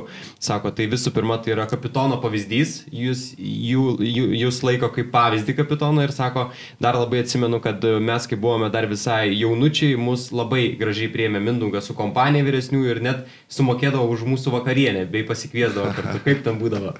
Jaunimą, biškai, pasparnų prieėmė, ar ne? tiksliai neprisimenu, gal, taip ir vykdavo, jo. Nu, aš nežinau, gal prisimenu save, kaip man būdavo sunku papuolus į tą rinktinę, apie kurią aš nekėjom 95 metais, aš prisimenu tą jausmą, kai tu ateini jaunas žaidėjas ir visi žiūri žvaigždės ta, savas ir kaip sunku įeiti ir, ir tu jaudinėsi, e, tai aš norėjau, kad mane gerai priėmė ir aš norėjau taip pat priimti ir į savo jaunus, kaip sakai, žaidėjus, kurie į mano komandą atėjo ir nežinau, tikiu, ačiū, kad taip sako, tai gal iš tikrųjų gerą darbą atlikau, nes man atrodė, kad taip reikia daryti, priimti ir skatinti jaunimą uh, į komandą prisijungti teisingai ir kad, nes vis tiek Paulius iškart padėjo mums žaisti ir laimėti ir jaunimą pri, gerai priimant, jie lengviau adaptuojasi į komandą ir greičiau gali tau padėti varžybose. Tai toliau šnekant apie Paulių Jankūną, kaip ir minėjote, jis vos atėjęs jau realiai davė naudos komandai. Tai ar jau tada matėt, jautėt, kad va auga galbūt būsima žalgerio legenda? Irgi? Tikrai, tikrai, tikrai iškart matėsi, kad tokio amžiaus ateiti ir iškart įsilieti į komandą ir suprasti žaidimą greitai, priprasti prie visokių niuansų ar, ar žai, prie, prie, žaisti su tanoka, treniruotis ir, ir išlaikyti tą stresą. Ir matėsi, kad jis tikrai gabus ir geras žaidėjas ir labai geras, geros, e, gerai balansuotas, kaip sakyti, ir, ir psichologiškai, ir fiziškai geras, geras žmogus. Gal teko ir vakar pabendrauti dar su Pauliu? Trumpai, trumpai pasisveikinom, pas uh, keli žodžius persimetėm, bet ilgai neteko bendrauti. Ja. E, Mindaugai privalu prisiminti ir vieną įspūdingiausių jūsų karjeros momentą. Vakar mačiau taip pat apie tą epizodą, jūsų klausė jūsų nuomonės, tai yra 2003 metų finalo serija su tuometiniu Vilniaus Lietuvos rytu. Ir tas neįtikėtinas epizodas per 0,3 sekundės, kai įminė tą legendinį metimą. Tai kas ten vyko aikštelėje, kaip jūs iš savo pusės pamenat perspektyvos tą epizodą ir kiek kartų dar matėte tą vaizdo įrašą? Daug kartų, kartų vis, vis kažkas parodo. Ar ne? ne kažka, ka, kažkaip ir prieina žmonės šneka apie tai ir visą laiką rodo. Ir prisiminė, sakau, prisimenu, prisimenu. Kaip gali neprisiminti, kiekvieną dieną primenu. Kiek, kiek, ta, kiek prisimenu, tai toks pyktis buvo, nes mes pir, pirmavome, jau atrodo buvom užsigarantavę pergalę ir kažkaip klaida vien, viena kita pramečiau ir, ir aš pats, man atrodo, tokį kvailą metimą ir, ir jie pataiko tritaškį ir žiūrim, kad jau vos nepralošė varžybų. Ir minutę per trukėlę mes e, e, kažką, kažką aptarėm, bet lyg tai visi tokie, nežinau, nesusikoncentravę esame treneris šneka, bet mūsų mintis kažkur kitur, kiek prisimenu. Ir išėjom ir tikrai, kaip sakiau, laimės dalykas, kad žinom, kad reikia mesti kamuolį, kota žino, kad jis sako, aš mesiu į priekį, gaudykit ir meskit. Ir aš žinau, kad nusileisiu kamuolį negalima. Nu, nėra laiko. Tai mintis buvo, tai, kad ga, jeigu pagauni, iš karto reikia mest. O kad taip įvyko, kad aš vienas pagavau ir įmečiau, tai čia, nežinau, laimės dalykas tikrai, nes kažkaip treniruotis tokio dalyko negali. Jonas Kazlauskas, tuometinis Vilniaus Lietuvos ryto treneris, nekarto po to epizodo yra sakęs, jog negalima, neįmanoma sugauti kamulio, apsisukti ir įmesti per 0,3 sekundės. Sako, galima tik pamušti. Aš vis dar manau, kad tai negali tai būti. Kokia jūsų nuomonė? Nežinau, nežinau. Aš palie, paliksiu, paliksiu, paliksiu kitiem. Tad, nors man atrodo yra, dabar pagal taisyklės, kiek prisimenu, leidžiama yra 0,3 sekundės. Turim, leidžiama tai taip, bet turime menį, kad neįmanoma suspėti, jis tą turime menį. Pagauti. Pagauti, apsisukti ir įmesti, sako, tik pamušti. Tai va tokią nuomonę jis turi. Mano manimo, jeigu pagauni ir iškart išmeti, gal dar gali, gali, galima. Man. Aš, galėtų neteisėtai. Todėl, todėl, kad man pavyko, todėl aš ta, ta, taip ir sakau. O jeigu Kazlauskas treniravo rytą tuo metu, taip. tai aš jį su pilnai suprantu, kodėl jis taip galvoja. A, tai dar grįžtant prie tų laikų komandos, kalbėjote apie Tanoką, bet kokie dar legionieriai tuo metu išsiskyrė? Čia yra ir Edas Kota ir kurie dar? Edas Kota ir... Uh, Pekas, e, kaip pirmas vardas? Robertas. Robertas Pekas, prisimenu, lab, labai nustebino mano jo fizinio, fizinė būklė, kaip e, jis buvo tikrai 30 kelių metų jau senas pagal krepšinio standartus. Ir jisai atvažiavęs, aš prisimenu, žiūriu jo kūną ir, ir klausiu, kaip tu, kaip tu sugebėjai išlaikyti save taip gerai. Ir jisai pasidalino mintimis, kai ką jisai daro, kad sportuoja, gerai valgo. Uh, ir man šiek tiek padėjo iš dalies išgirsti iš tokio žmogaus, kuris savo kūną prižiūri taip gerai. O jūs tuomet prižiūrėjot savo kūną kaip reikiant? Valgėt sveikai, mėgojot laiku, sportavot laiku? Uh, taip ir ne, šiaip žiūrint atgal, galėjau dar geriau kažką tai uh, savo kūną prižiūrėti, gal valgy būčiau dabar derinęs, nes dabar vis tiek valgau žymiai kitaip ir, ir paskutinius kelius metus ir praktiškai visai mėsos nebevalgau ir nežinau, būčiau uh, bandęs kažką tokio daryti gal dabar, jeigu žaiščiau. Mažiau mėsos, daugiau augalinių uh, visokių produktų valgyti. Uh, Jo, būčiau... Gal tada buvo per mažai žinių? Bandyti eksperimentuoti. Vis tiek vegetariškumas buvo, nebuvo paplitęs tuo metu tiek, kiek dabar. Ir vis tiek, jo, kažkiek tai žiūrint atgal, kiek, kiek galėjau tuo metu, vis tiek turbūt gerai valgiau. Ir, bet žiūrint dabar, ką žinau dabar, vis tiek valgyčiau kitaip. Aš galvoju, kad tada net būtų galbūt keistai jų žiūrėję komandos draugai, jeigu būtumėt sakę, aš mėsos nevalgau, aš tik vegetarišką. Taip, ir, ir dabar vis tiek šiek tiek keista kai kuriem atletam, kad žmogus gali nevalgyti mėsos ir gali sportuoti pilnai ir intensyviai ir tą, tą, tą patį pasiekti kaip ir mėsą valgintis žmogus. Bet man atrodo, įmanoma dabar tikrai. Ir kiek aš dabar jaučiuosi mėsos nevalgydamas, kad aš, ats, mano kūnas atsistato greičiau po krūvio ar, ar po sportu ar ką, žymiai atsistatymo procesas yra žymiai greitesnis. Kaip suprantu, Bet čia kit, kita tema jau. Domitės tais dalykais, ar ne? Taip, taip, nežinau, e, vaikai užvedė ant tos bangos mane ir po biški jie metė mėsą ir Ir aš po truputį žiūriu, kad mažiau, mažiau, mažiau valgau ir sakau, jau pusantrų metų kaip tos mėsos nevalgau, galų galerių atsisakiau žuvies ir kažkaip tą, linkstu į tą, tą pusę. Gerai, nubėgime nuo tos temos, grįžkime atgal į Žalgirį. Buvo ta laiminga pabaiga su Vilniaus Lietuvos ryto ir jūs tas metimas. Buvo ir netokių laimingų pabaigų. Deriko Šarpo metimą tikriausiai pamenat. Jo, tas skaudus momentas irgi. Ir, ir, ir Šarūną aš kaltinu irgi, nes jis buvo vienoj komandai. Jo. Kiek? 37 taškai. Jisai, jisai kaip žalgerio treneris vis tiek dabar turėtų negerai jaustis, kadangi atimė žalgeriui šansą papulti į finalinį ketvirtą tais metais. Aš nežinau, aš jūs, jūsų vietoje paklausiau jį apie tą, apie tą dalyką. Bet jo, skaudus tikrai irgi kitas laimės toks dalykas, metimas, kuris skaud, skaudžiai buvo man kaip žaidėjai, kuris pralošė tas varžybas, o kaip prieš rytą kalbėjom, kur įmečiau tą, tą paskutinį sekundę ir laimingi buvom. O čia tikrai skaudus tas momentas irgi. Fantastiškas metimas jo šarpo ir atėmė mums teisę važiuoti į, į finalinį ketvirtą. Tai uh, po to pralaimėjimo daugelį metų dar ir dabar turbūt žmonės kalba, ieško vieni kaltų, kažkas nepataikė baudų, kažkas per anksti į baudos aikštelę įžengė ir panašiai.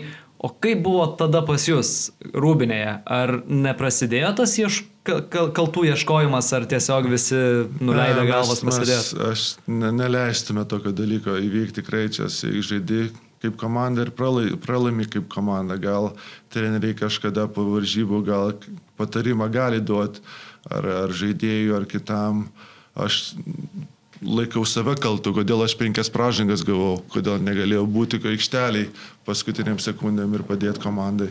Tai visi kažkiek kalties mes matome, o krepšinis tai pilnas klaidų yra.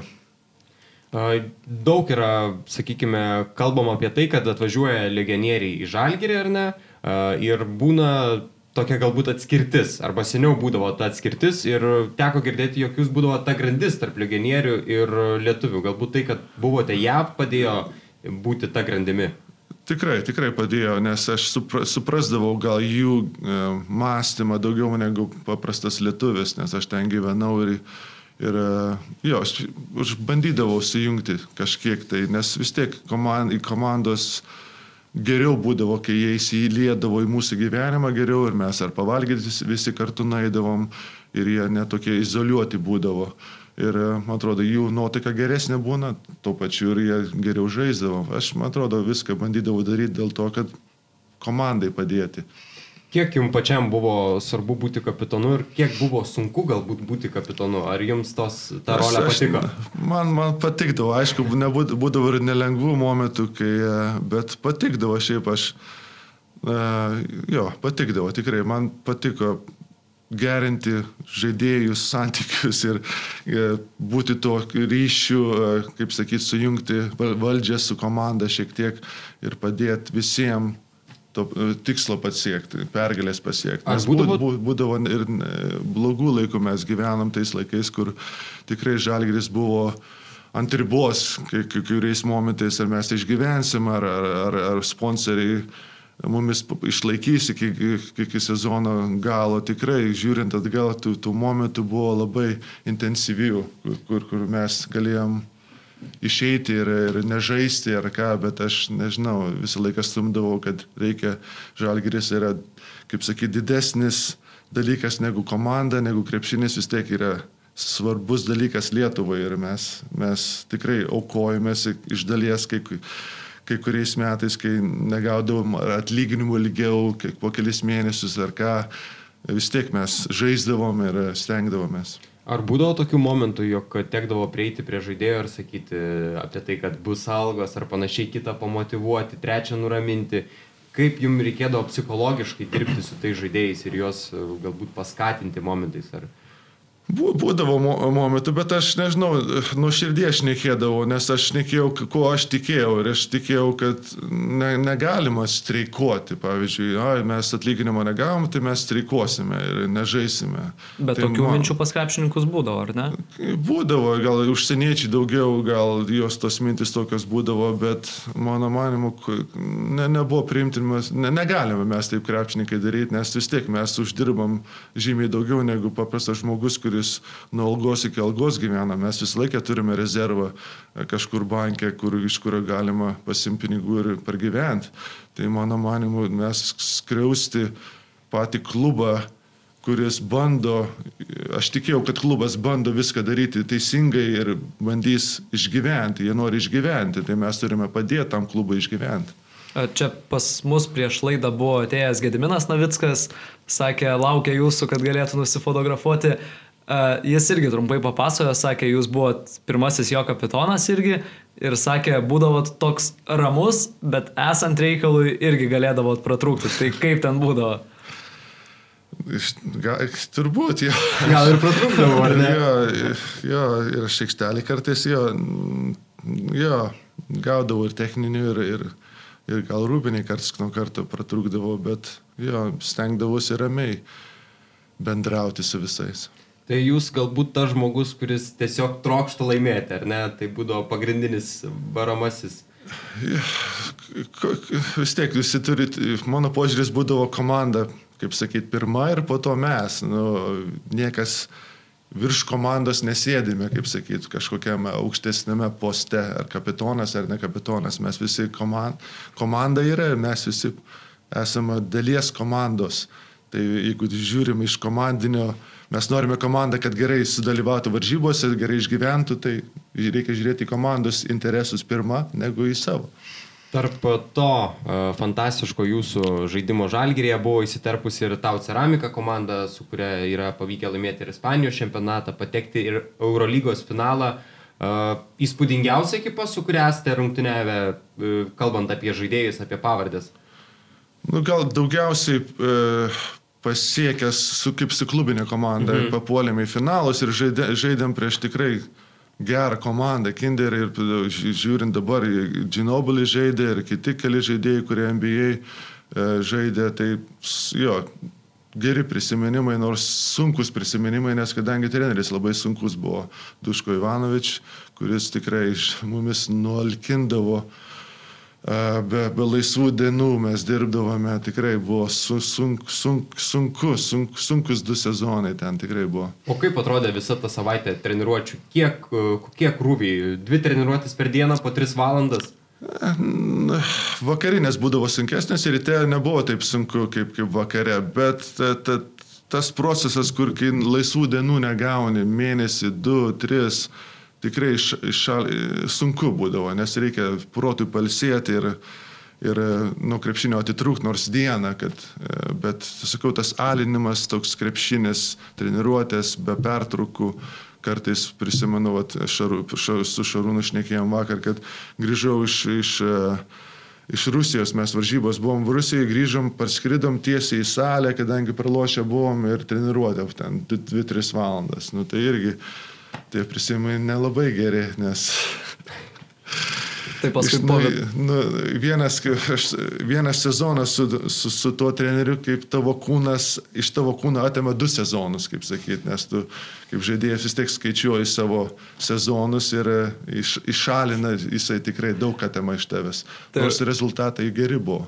Tai jau paskui iš Vitorijos grįžus čia į Kauną su Antanu Sireika turbūt atgaiva buvo, ar ne? Skirtingi stiliai, skirtingi stiliai ir e, vis tiek dirbom irgi nemažai. Antanas irgi nebuvo, ne, nebuvo tas treneris, kuris e, jo e, labai lengvai treniruotės leisdavo. Ne, jisai dirbdavom tikrai ne, nemažai, bet protingiau gal. Bet, bet žiūrint apie Ivanovičių, nenoriu kad pasakyti, kad jisai blogas ar kas yra. Treneris tikrai labai geras, jis, jisai turi savo stilių jisai juo tiki ir rezultatus yra gerus pasiekęs, tai aš ne, jo nekaltinu, kad jisai taip dirba, kaip jisai dirba, nes jisai tokį, tokį nusistatymą turi, tu žinai, kaip pasirašai sudartį, su kuo dirbsi ir, ir savo rezultatai savo rodo. E, tau ceramikai buvo ir Saulis Štombergas, kaip minėjote, ir rinktinėje kartu gyvenote. Kiek palengvino adaptaciją būtent su juo? Tikrai gerai, gerai buvo lietuvių turėti komandą ir lietuviškai pasikalbėti ir pasiguosti, kaip, kaip sunku dirbti. Uh, jo, tikrai jo, lengviau buvo, tikrai. Gyvai matėte ir Saulių Šombergo fantastišką tą pasirodymą, 9 tritaškai, pamenat ta, tas rungtynės? Jo, Dar dabar tai yra Eurolygos grei, rekordas. Graikijoje, jo, prieš... Uh, prieš Kurie komanda? Prieš AEK berods. AEK, jo, AEK. Jo, prisimenu tikrai. Nu, nu, sen, iš dalies nestebina, nes jisai buvo uh, toks fantastinis, fantastinis metikas jau nuo senai. Žinau, kad jisai, pavyzdžiui, jeigu trajekus mėtė treniruotę ar ką, aš, aš jo tikrai niekada negalėdavau laimėti prieš jį trajekus mėtydamas. Tai iš dalies supranti, kodėl ir kaip galėjo tai vykti, jeigu pažįsti jį. E, bet vis tiek įmesti devynis vienose varžybose, tai vis tiek labai, labai keista ir praktiškai neįmanoma. Tai po rungtynių duodamas penkis, nenudegėt rankos. jo, karštas, karštas buvo, reikėjo šiek tiek ledų, už, ledų uždėti ant jo. E, bandydavot per treniruotės pakonkuruoti su juo, nors sakėt, kad įveikti jo beveik neįmanoma, bet Spėjau, kad bandydavot mesti iššūkis, ar ne? Jo, nu, mes dažnai porom mėtydavome tenais tos trajekus, tai šiek tiek jo, lengviau būdavo, bet aš ne, nebuvau iš tų, kuris labai didelis sniperis, tai, tai man sunkiau būdavo su tais trejekais. E, ten turėjote įspūdingą kompaniją, Luisas Kole žaidė Fabricio Berto, vėliau ir Andresas Načijonį. Kiek įspūdinga buvo žaisti su tokiais žaidėjais, ką galbūt išmokote, kokie jie kaip žmonės? Už aikštelės ribų? Nežinau, argentiniečiai patys jie tokie, nežinau, labai stiprus žmonės, jie fiziškai stiprus, jie užsivedę, bet labai labai labai geri draugai, labai geri komandžiokai, paprasti, bet labai jo, tokia, jo tokia fizinės stiprumas keistas, nes visi, visi jie tuo turi kažkaip, visi tie argentiniečiai tokie, visi labai fiziškai stiprus net, net, netgi keista, ar čia... E, Jų nežinau, mokykla gal? Mokykla ar genetika, genetika, genetika kažkokia labai keista buvo tai, tai žiūrėti. Ar nestebina, kad Luisas Kolada ir dabar rungtyniauja, tai pasaulio čempionate puikiai rungtyniauja. Eurolygoje dabar. Tikrai, nu, jis man primena Jankūną, toks stilius šiek tiek ir kūno sudėjimas, tokia, nežinau, gal jie, nežinau, kažkokia genetinė fantastiškai kaip jie išsivystė yra ir tiek, tiek metų gali žaisti tokiam lygiai. Ar tas e, skauduliukas, kalbant apie tą Eurolygos e, nesugebėjimą triumfuoti Eurolygoje, yra lygis, ar visgi galvojate, kad nu, su ta komanda jau taip pasiekėte daugiau nei galėjote? Ne, visada skaudu yra pralošti ir skaudu, nes, nes žinojom, kad galime laimėti, ne tai, kad mes pralošėm be šansų, kaip sakyti, žinojom, kad mes galim laimėti. Ir skaudu buvo, bet kažkaip užsimiršta tos tie pralašimai. Bet vat, sėdint su jumis, jūs priminat, aišku, vėl, vėl širdelę, širdelę, širdelę įdurėt, bet nieko. Tai tada Eurolygoje fina, finaluose būdavo serijos. Ta serija prieš Bolonijos Kinder pralaimėjote rezultatu 2-3. Kaip galvojat, koks formatas galbūt yra geriau? Tiesiog įdomu nuomonė. Ar kaip dabar yra finalinis ketvirtas, pusfinalis, finalas, laimi, laimi, nelaimi, nelaimi, o ten būdavo serijos. Kaip jums atrodo geriau? Jeigu, jeigu aš žaisčiau stipresnėje komandoje, man formatas norėčiau, kad būtų penkias varžybos. Tada stipresnė komanda turbūt vis tiek laimės. Nes vienas, vieno, vienose varžybose gali ir silpnesnis varžovas aploš geresnę komandą. Čia yra gali, nu, sudidėję šansai Na, padaryti surprizą. Taip, padaryti surprizą. Faktorius. Tikrai padidėja šansai. O žaidžiant e, penkias varžybas vis tiek geri, tikriausiai geresnė komanda laimės. Negali, negali silpnesnė komanda tris varžybas laimėti prieš geresnę. Tai kaip penkių. žiūrovai gal net įdomiau, kai yra tik vienos rungtynės, ar ne? Didesnis šansas e, galbūt tiem underdogams. Nu, jo, tokia žiotažą sukelt gal geriau yra. Ketvirtas sukelia tą tokią, nežinau, nu iš dalies jo, visi suvažiuoja, gal įdomiau žiūrovai visiems, bet Vėlgi, bet iš kitos pusės. Taip, iš kitos pusės yra penkios gero lygio rungtynės. Jo, gal tada vis tiek žmonės gali pažiūrėti, jo, penkias varžybas, o čia vienos, vienas savaitgalis baigėsi viskas, o čia, pavyzdžiui, galima ištęstą procesą, bet žaidžiant dabar e, Žalgiriui LKL e tiek varžybų, Eurolygiui tiek varžybų, tai aš suprantu, kodėl jie daro ketvirtį, ne, ne serijas, bet jeigu atsitrauktų, taptų kaip e, Europos NBA lyga, tada turbūt vis tiek grįžtų į tą formatą. E, tada pavyko jums įdėti ir vieną įspūdingiausių dėjimų Eurolygos istorijoje. Pamenat tą dėjimą, kuris pateko Eurolygos vinietę netgi?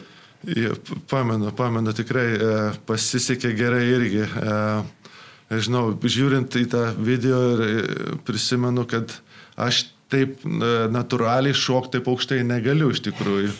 Šiek tiek tenais tas varžovas. Su alkūnė šiek tiek galiu, reikia prisipažinti, kad šiek tiek su alkūnė atsistumau nuo, nuo varžovo, kuris ten bandė mane blokuoti. Man vis tiek kelis centimetrus padėjo pakilti aukščiau. Ar pamenat prieš kokį žaidėją įdėjo tik krepšį? Uh, Anderson. Uh, Austra Australija, jo, jo, prisimenu. tai, ku, sakėt, e, irgi žiūrint tą video, tai kurį video esate daugiau matęs? Ta dėjimą ar tą 0,3 sekundžių? Dėjimą, dėjimą, nes jeigu kažkas tai jo pažiūri ir pamato, tai visą laiką atsinčia, ar čia tu, ar čia tu, ar čia tu. Sakau, aš, aš. nežinau, bet lyg tai. E, toliau, e, kalbant apie tą jūsų karjeros pabaigą, e, Pamesa buvo komanda, ar ne? Kaip prisimenat tą karjeros pabaigą, tą savo e, sezoną Pamesos komandoje? Kaip sakyti, vidutiniškai, galiu pasakyti. Na, ne, gal žiūrint, norėjosi gal geresnių tonų pabaigti karjerą. Ir aš galvoju, tikrai nebuvau apsisprendęs pilnai po to sezono baigti baigt krepšinį. Uh, ir e, turėjau kelis pasiūlymus ir galėjau grįžti ir į žalgerį, bet fiziškai kažkaip liktai ir dar galėjau žaisti, e, kūnas dar būtų atlaikęs turbūt sezoną kitą, bet galų gale kažkaip psichologiškai buvau tikrai pavargęs ir norėjusi polsį ir po to kaip vis tolyn, tolyn mėnesis po mėnesio praėjo ir supratau, kad jau, jau vėlu grįžti. Bet jo, žiūrint į tą sezoną, šiaip sau pabaigėm tą sezoną ir norėjosi gal, gal, gal geriau kažkaip užbaigti karjerą su geresniu sezonu, kažką laimėjus ar ką. O pamenat paskutinės rungtynės, kaip jos buvo paminėtos, galbūt žinojo, kad jūs jau baigsite ne, karjerą? Ne, tai, tai, tai, tai, tai, jo, tame ir problema iš dalies buvo, kad aš žaidžiau galvodamas, kad dar ne, nebaigsiu karjeros. Ir aš tos varžybos paskutinės net, net, net neprisimenu kažkaip sužaidžiau ir po to tikrai po kelių mėnesių tik supratau, gal tikrai rei, laikas. Tai buvo paskutinės rungtynės. Jo, laikas, gal pradėjo tos mintis suktis mano galvoje, kad gal, gal, gal laikas yra pabaigti. Bet vėliau kažkur esate minėjęs, kad sunku pasakyti tuos žodžius, kad jau baigiu karjerą. Kaip tada buvo? Jo, tikrai, nes jo, nebuvau susitaikęs su tą mintim ir tikrai buvo sunku sakyti, kad aš baigiau karjerą. Tai sakau, toks, nežinau, buvo procesas, nebuvo, kad vieną dieną atsikėliau ir sakau, viskas, baigiu ir buvo. Aš prisimenu, sėdėjau namuose, sutartį turėjau ir... ir Žalgiris sutartį? Ne, nenoriu sakyti, kurios komandos, bet parašo praktiškai reikėjo ir nu, nesugebėjau pasirašyti. Ir, ir sėdėjau ilgai namuose ir sėdėjau laukia, atsisėdau ir virtuvėje atsisėdau ir galvojau visą dieną, ar, ar, ar daryti, ar nedaryti ir galų galia nepasirašiau ir nusprendžiau pabaigti. Ne, Tuo, tuo momentu ir čia buvo jau, jau pak, tikrai vasaros pabaigoje turbūt. Nesigailit dabar to sprendimo? Ne ir taip, nežinau, šiek galvojant atgal dabar tokiu šviežiu protu, gal psichologiškai papalsėjusi, gal galėjau dar ir taip pagalvojus, gal į žalgerį grįžti metus kitus pažais būtų tikrai kaip Arvidui Salonė, malonu buvo, būtų, būtų buvo išbaigti. Bet, e, bet jo, šiek tiek problemų su fiziniu buvo ir e, galvoju, ar, ar būčiau ištvėręs, nežinau, nežinau. Tai kas buvo, dėl ko nebuvo pasirašyta ta sutartis? Psichologija, e, nuovargis nuo to krūvio, ar vėl tai, kad reikės grįžti tą rutiną krepšininko, kas atbaidė nuo to sprendimo? Vis, visi tie dalykai nebuvo viena, viena visi, ne? susidėjo viena, vėl keltis, vėl uh, vaikai bu, pradėjo į mokyklą eiti, vėl jos nesinorėjo vienam važiuoti, aš nenoriu vienas kažkur važiuoti, mes visi, visą laiką priimdom, kaip šeima važiuom ir gyvendom visi kartu. Ir nu, vis tiek veži keli vaikus, žmoną į kitą miestą, vėl procesas ne, nemažas yra, nors aišku būtų jie uh, susitvarkė. susitvarkė ir, bet vis tiek, nu, gal mano kaltė buvo didžiausia, ne, ne jų, aš ne, ne, nekaltinu jų, mano, mano buvo sprendimas, kaip sakyt, priimtas.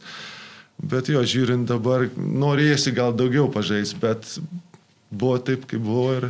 E, būnant krepšininku, dažnai tikriausiai atrodo, kad vat nebūtų treniruotės, nebūtų tos rutinos, eičiau daryčiau tą, eičiau veikčiau tą, nereikėtų čia važiuoti rungtynės daryčiau aną. Ką baigęs karjerą darėt pirmiausia ir ką labiausiai norėjot nuveikti, padaryti, pasimėgauti? Lais, laisvo laiko, aišku, visą laiką norisi laisvo laiko ir, ir to jausmo, nepavar, kad būtum nepavargęs. Visą laiką tu žaidi, visą sezoną jautiesi iš dalies pavargęs. Tu pailsi, bet vis tiek pavargęs, tavo kūnas pavargęs, visą laiką pavargęs ir tas procesas po kelių mėnesių, kai praeina tas pavargimas ir pradedi jaustis nežinau, toks žiūrėti į pasaulį biškai kitaip. Tas geras jausmas. Po to kitas dalykas yra praleisti laiko daugiau su vaikais. Nežinau, aš norėjau visą laiką kuo daugiau laiko praleisti su jais ir jie norėjo būti um, įsiliejęs į jų gyvenimą. O kiek neįprasta buvo po dešimties metų trukusios karjeros, kas yra nemažas laiko tarpas, visiškai kardinaliai apsukti savo gyvenimą aplink ašį ir daryti visiškai kitus e, dalykus, gyventi kitoje rutinoje. Kiek buvo neįprasta, kiek buvo sunku? Lab, labai, labai neįprasta, labai sunku ir, man atrodo, negali pasiruošti tam, reikia išgyventi tą dalyką ir tikrai ir buvo smagu, kad galėjau daugiau laiko praleisti šeimą, bet iš kitos dalies tikrai nebuvo lengva. Pirmie mėnesiai, man atrodo, vis tiek metus du užtrukau, kol tikrai galėjau pažiūrėti į krepšinį, ne, nejausdamas tokio, nežinau, panikos, e, nes pažiūri varžybas ir vis kažkaip norisi, nežinau, tas noras žaisti sugrįžta kaž, kažkiek, bet jau per vėlu, jau negali. Ištruko tikrai, ne, nebuvo lengva. Ne, ne, ne, nepavydžiu tiem krepšininkam, kurie pabaigė karjerą, tie pirmie metai, du tikrai nėra lengvi. Po kiek laiko pavyko vėl mėgautis krepšiniu, žiūrint į, stebint jį, o ne tik galvoti kaip apie Už, profesiją? Jau užtruko metai, du tikrai, po to gal padėjo šiek tiek pradėti treniruoti vaikus, moksleivius, padėjo tą, tą tokį procesą praeiti man, nežinau, adaptuotis tam normaliam gyvenimui. Jo. Dar papildant klausimą, o kiek to krepšinio dabar stebite? Kalbu ir apie NBA, tą patį Žalgėrį, Eurolygą. Ma, mažiau, mažiau tikrai. Nors šiuo metu patinka studentų varžybą žiūrėti. Ir e, mano Šiaurės Karolinos šalia gyvenu Šiaurės Karolino universiteto, ir Diukas šalia yra, mano vaikai eina į Šiaurės Karoliną, jaunesnioji ir kloja tenais. Tai aš stebiu varžybas, nors šiais metais jie prastai atrodo, bet studentų varžybas man smagiau dabar žiūrėti negu NBA. NBA, man atrodo, lygis jų pakylas stipriau e, playoffuose. Tai va, tai iki playoffų man aš daugiau stebu studentų varžy, krepšinio varžybas. Jo, čia daugam, kad atkrintamosiasis ja. yra būtent NBA tas žavesys. O kalbant apie tą prisijungimą vėl, galbūt prie krepšinio buvo treniravimasis, galbūt norisis iš kitos pusės prisijungti prie krepšinio, būti arčiau krepšinio aikštelės, galbūt kaip treneriui, kaip e, kitos ryties atstovai. Jo, minčių, minčių tokių yra ir būtų tikrai labai natūralu ir jautiesi kaip namuose, kad ir va, nesubuvę žalgerio arenoje, bet pasėdi, pažiūri krepšinį ir jautiesi kaip, kaip namuose, ne? nes krepšinis tu matai kažkaip vis tiek tiek metų praleidęs, žaidęs, vis tiek jautiesi gerai ir lengva priprasti. Jo. Ir aš manau, kad to žinios, kurios yra įgytos krepšinio aikštelė, yra neįkainojamos. Tu jų neišmoksi nei universitete, nei niekur. Jo, nes vis geros pamokas, paprasčiausiai bendraujant su, su, su visais, su skirtingais charakteriais, žmonėmis, tautybėmis, čia kita tema irgi yra, kur tave išmok, išmokina kaip, kaip surasti bendrą temą su, su kažkokiu kitu žmogumi, kitu, kitaip išauklėtų, kitaip išaugintų, kitą kalbą kalbančių yra geras dalykas mokėti anglų kalbą, nors dabar visi, man atrodo, jaunimas tą kalbą yra įvaldę, tai tikrai geras dalykas krepšinis. Mindugai, tai pokalbio pabaigai mes turim tokią rubriką, yra blitz klausimai. E, tai nereiškia, kad reikia atsakyti labai greitai, bet tie klausimai nėra tarpusavį susiję. Galim klausti apie, e, sakykime, krepšinį ir kita tema gali būti apie vandens sportą. Tiesiog, bet kokie klausimai Tai pirmas klausimas, ką pasirinktumėt? Auksas 1995 m. Europos čempionate Graikijoje ar patekimas į finalą 2000 olimpinėse žaidynėse? Nelengvi klausimai. Uh, nežinau, auksas. Auksas, ar ne? Visgi? Auksas. Uh, jo, auksas. Na, olimpiadoje dar į finalą patekus dar jį ir laimėti reiktų paskui. Tai... Būtume laimėję prieš prancūzus, garantuoju. Bet nežinau, auksas, nes uh, dabar prisimenu Sidnėjaus olimpijos žaidynės labai pozityviai, nes mes laimėjom bronzą. Tu laimi, kažką turi. O tuose Europinėse uh, žaidynėse, aišku, aš nepadėjau komandai žaid, žaidžiant, bet vis tiek tu, mes pralošiam.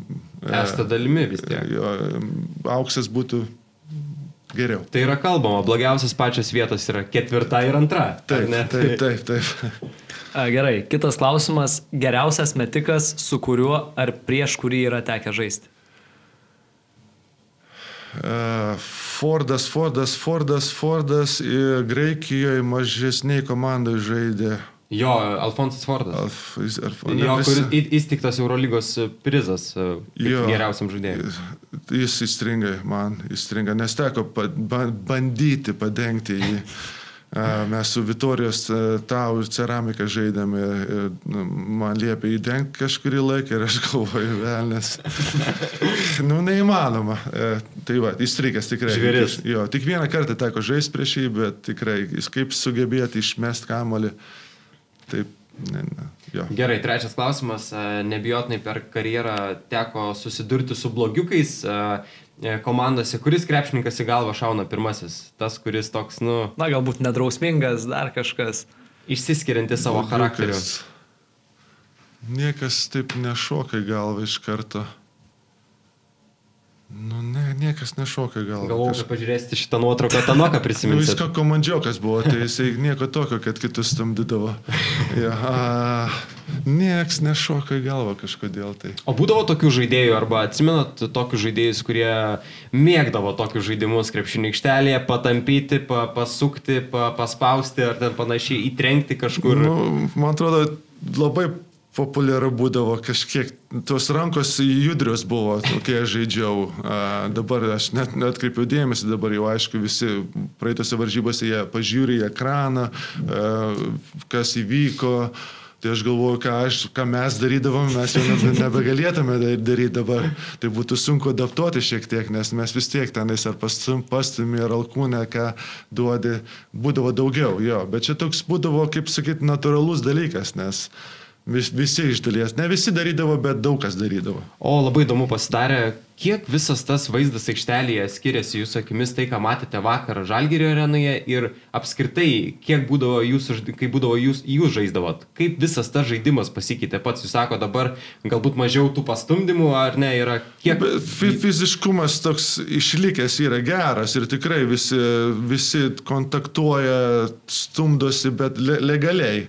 E, to švarus žaidimas, bet fiziškai vis tiek jisai išlikęs yra gan, gan intensyvus, nes kontakto daug yra ir, ir e, teisėjai leidžia kontaktuoti ir man, man tai, tai tas patinka, kad e, nebando ten iš vis nu, bausti už kiekvieną kontaktą aikštelėje. Tai tas išlikęs yra, man tas patin, dalykas patinka, bet sakau, iš, iš, gal šiek tiek švaresnis yra žaidimas, kadangi ne, negalima tokių nelegalių dalykų kažkokių daryti. So alkūnėm tenais draskytis ir stumdytis, nes būsi nubaustas. Viskas stebi kameros jo. dabar. Nu dabar žaidėjai gal išmokė, kai kamera nusisuka tada. tai dar vienas klausimas. Kas jūsų laikai Žalgerio rūbinėje buvo ta didžiausia siela? Aišku, jūs buvot kapitonas, viską prižiūrėdavot, bet kas dar būdavo tie žaidėjai? Yes. Daug tų žaidėjų būdavo, kažkaip nieks irgi ne, neiššoka. Ne Pirmiausia, bet, jūs pats savo galvą šaudate, ne, ne, ne, ne, nebū, nebūdavo aš ten didžiausias užves, užvestukas, bet kažkaip atsirasdavo, atsirasdavo žmonių, kurie, kurie vis už, už ir Tanoka būdavo, kartais užvesdavo ir Edas Skota užvesdavo ir šiaip kiti žaidėjai. Ir lietuviai būdavo, būdavo, ne, ne, netrūkdavo kažkaip, kars nuo karto vis tiek visi kažkaip kažką savo įvesdavo į, į tą, tą, tą Atsirasdavo tų žaidėjų. Atsirasdavo, jo. E, kokios krepšininko savybės jūsų nuomonė yra reikalingiausia šio laikinėme krepšinėje, jeigu reikėtų taip išskirti? Uh, grinai, dvi, gal padalinčiau dvi pusės. Gerai. Charakteris ir užsispyrimas, ir ne, nu, nepasidavimas uh, iš charakterio pusės, o iš šiaip iš talento pusės, tai nežinau, atletiškumas. Atletiškumo reikia vis tiek. Pagrindas, man atrodo, jeigu tą turi ir, ir tą charakterį turi, tai kitus dalykus gali sujungti ir su, sulibdyti gerą žaidėją. Aišku, kai kurie žaidėjai gali išsiskirti kažkuo kitu, bet tie du dalykai, man atrodo, svarbiausia. Gerai, keliaujam toliau. Kuris treneris per jūsų karjerą yra padaręs jums didžiausią įtaką kaip krepšininkui? Daug tų trenerių minėjote, ir Jonas Kazlauskas, ir Antanas Ireika, ir Duško Ivanovičius. Kuris buvo tas Gal išskirčiau tris trenerius, jeigu galima. Kazlauskas, e, Duško ir Sireika. Jie visi skirtingi, bet įstrigę, įstrigę man treneriai tikrai pakeitė mane į gerą pusę, man atrodo. Gerai, prieš paskutinis klausimas. Koks buvo sunkiausias dalykus baigus sportininko karjerą? Sunkiausias dalykas. Taip priprasti prie paprasto gyvenimo, kurio norėjau aš ir norėjau tą paprastą gyvenimą gyventi, bet tikrai tai buvo sunkiausias dalykas priprasti prie jo. Nu ir laiku išbaig. Na ir mūsų paskutinis klausimas, tai po kurios pergalės karjeroje didžiausia šventė, didžiausias vakarėlis? Štai, gal turbūt Sidnėjaus buvo tikrai smagu, ta, ta pati atmosfera olimpinė ir, sakau, tie atletai visi kartu švenčia ir tik, tai buvo tikriausiai geriausias. Tai Mindaugai, ačiū Jums labai už pokalbį. Beprotiškai smagu buvo su Jumis pakalbėti, pasidalinti, prisiminti. Manau, ir Jums galbūt buvo smagu nostalgiškai sugrįžti tuos laikus, prisiminti ir šias nuotraukas darytas, ar ne. Tai Kaip jums ta prabėgo valandėlė kartu su mumis? Smagu, smagu, jūs priminėt gerų, daug gerų momentų ir kelis ne, ne taip gerus momentus, bet vis tiek smagu prisiminti. Ačiū labai, kad pati pakvietėt ir sėkmės sezonę Žalgiriui ir, ir visiems fanam dėkoju tikrai, kurie palaikė mumis senais laikais ir, ir palaiko komandą šiais laikais. Dar vieną dalyką, Mindaugai, kurį reikia jums padaryti, tai pasirašyti ant kamoliuko ir mes tą kamoliuką padovanosime vienam iš mūsų klausytojų. Vėliau surinksime kažkokį konkursą, tai jeigu galite pasirašykite su markeriu. Gerai. E, ir mes padovanosime, o prizą įsteigė oficiali Kauno Žalgirio atributikos parduotuvė Žalgiri Shop, kurioje galite apsipirkti jums patogiu metu ir elektroninėje erdvėje adresu žalgirishop.lt.